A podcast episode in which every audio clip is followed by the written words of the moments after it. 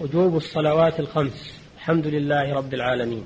والصلاة والسلام على عبده ورسوله الصادق الأمين. نبينا محمد وآله وصحابته والتابعين لهم بإحسان إلى يوم الدين. وبعد فإن الصلاة هي آكد أركان الإسلام بعد الشهادتين. وقد وضعت على أكمل وجوه العبادة وأحسنها. قد تضمنت هذه الصلاة كثيرا من أنواع العبادة. من ذكر الله وتلاوة كتابه وقيام بين يديه وركوع وسجود ودعاء وتسبيح وتكبير. وهي رأس العبادات البدنية ولم تخل منها شريعة رسول من رسول الله.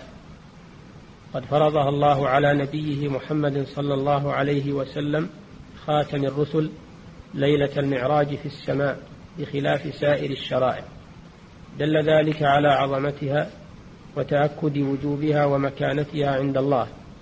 قد جاء في فضلها ووجوبها على الأعيان أحاديث كثيرة. فرضيتها معلومة من دين الإسلام. معلومة من دين الإسلام بالضرورة. ومن جحدها فقد ارتد عن الإسلام. يستتاب. فإن تاب وإلا قتل كافرا بإجماع المسلمين. ومعنى الصلاة في اللغة الدعاء. قال الله تعالى وصل عليهم أي ادع لهم. ومعناها في الشرع أقوال وأفعال مخصوصة مفتتحة بالتكبير مختتمة بالتسليم. سميت بذلك لاشتمالها على الدعاء. المصلي لا ينفك من دعاء وعبادة وثناء. فلذلك سميت صلاة. قد فرضت ليلة الإسراء قبل الهجرة. خمس صلوات في اليوم والليلة. بدخول أوقاتها على كل مسلم مكلف. قال الله تعالى إن الصلاة كانت على المؤمنين كتابا موقوتا أي مفروضا في الأوقات التي بينها رسول الله صلى الله عليه وسلم بقوله وبفعله. وقال الله تعالى وما أمروا إلا ليعبدوا الله مخلصين له الدين ويقيموا الصلاة. قال تعالى وأقيموا الصلاة في مواضع كثيرة من كتابه الكريم. قال تعالى قل لعبادي الذين آمنوا يقيموا الصلاة. قال سبحانه فسبحان الله حين تمسون وحين تصبحون وله الحمد في السماوات والأرض وعشيا وحين تظهرون. فمن أتى عليه وقتها وهو بالغ عاقل وجبت عليه إلا حائضا ونفسا فلا تجب عليهما ولا يقضيانها إذا طهرتا إجماعا. ومن كان زائل العقل بنوم أو إغماء ونحوه وجب عليه القضاء حين يصحو. قال الله تعالى وأقم الصلاة لذكري. قال صلى الله عليه وسلم من نام عن صلاة أو نسيها فليصلها إذا ذكرها. رواه مسلم. ويلزم ولي الصغير أن يأمره بالصلاة إذا بلغ سبع سنين.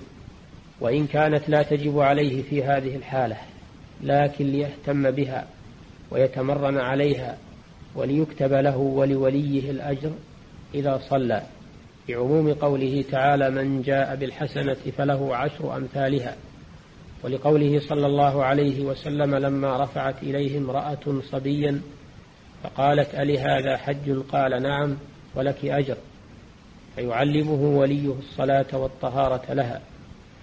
ويجب على ولي الصغير أن يضربه إذا تهاون بالصلاة وقد بلغ عشر سنين.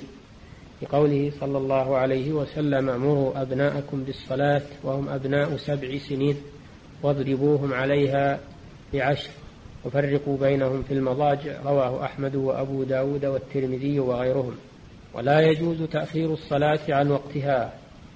قال الله تعالى إن الصلاة كانت على المؤمنين كتابا موقوتا أي مفروضة في أوقات معينة لا يجوز تأخيرها عنها. إلا لمن يريد جمعها مع ما بعدها جمع تأخير إذا كانت مما يجمع وكان ممن يباح لهم الجمع شرعا.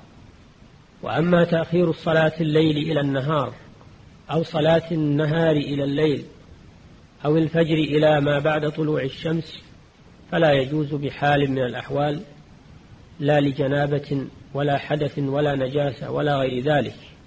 بل يصليها في وقتها على حسب حاله. وبعض الجهال قد يكون في حالة علاج في المستشفى على سرير لا يستطيع النزول منه أو لا يستطيع تغيير ثيابه التي فيها نجاسة أو ليس عنده تراب يتيمم به أو لا يجد من, من يناوله إياه فيؤخر الصلاة عن وقتها ويقول أصليها فيما بعد إذا زال العذر.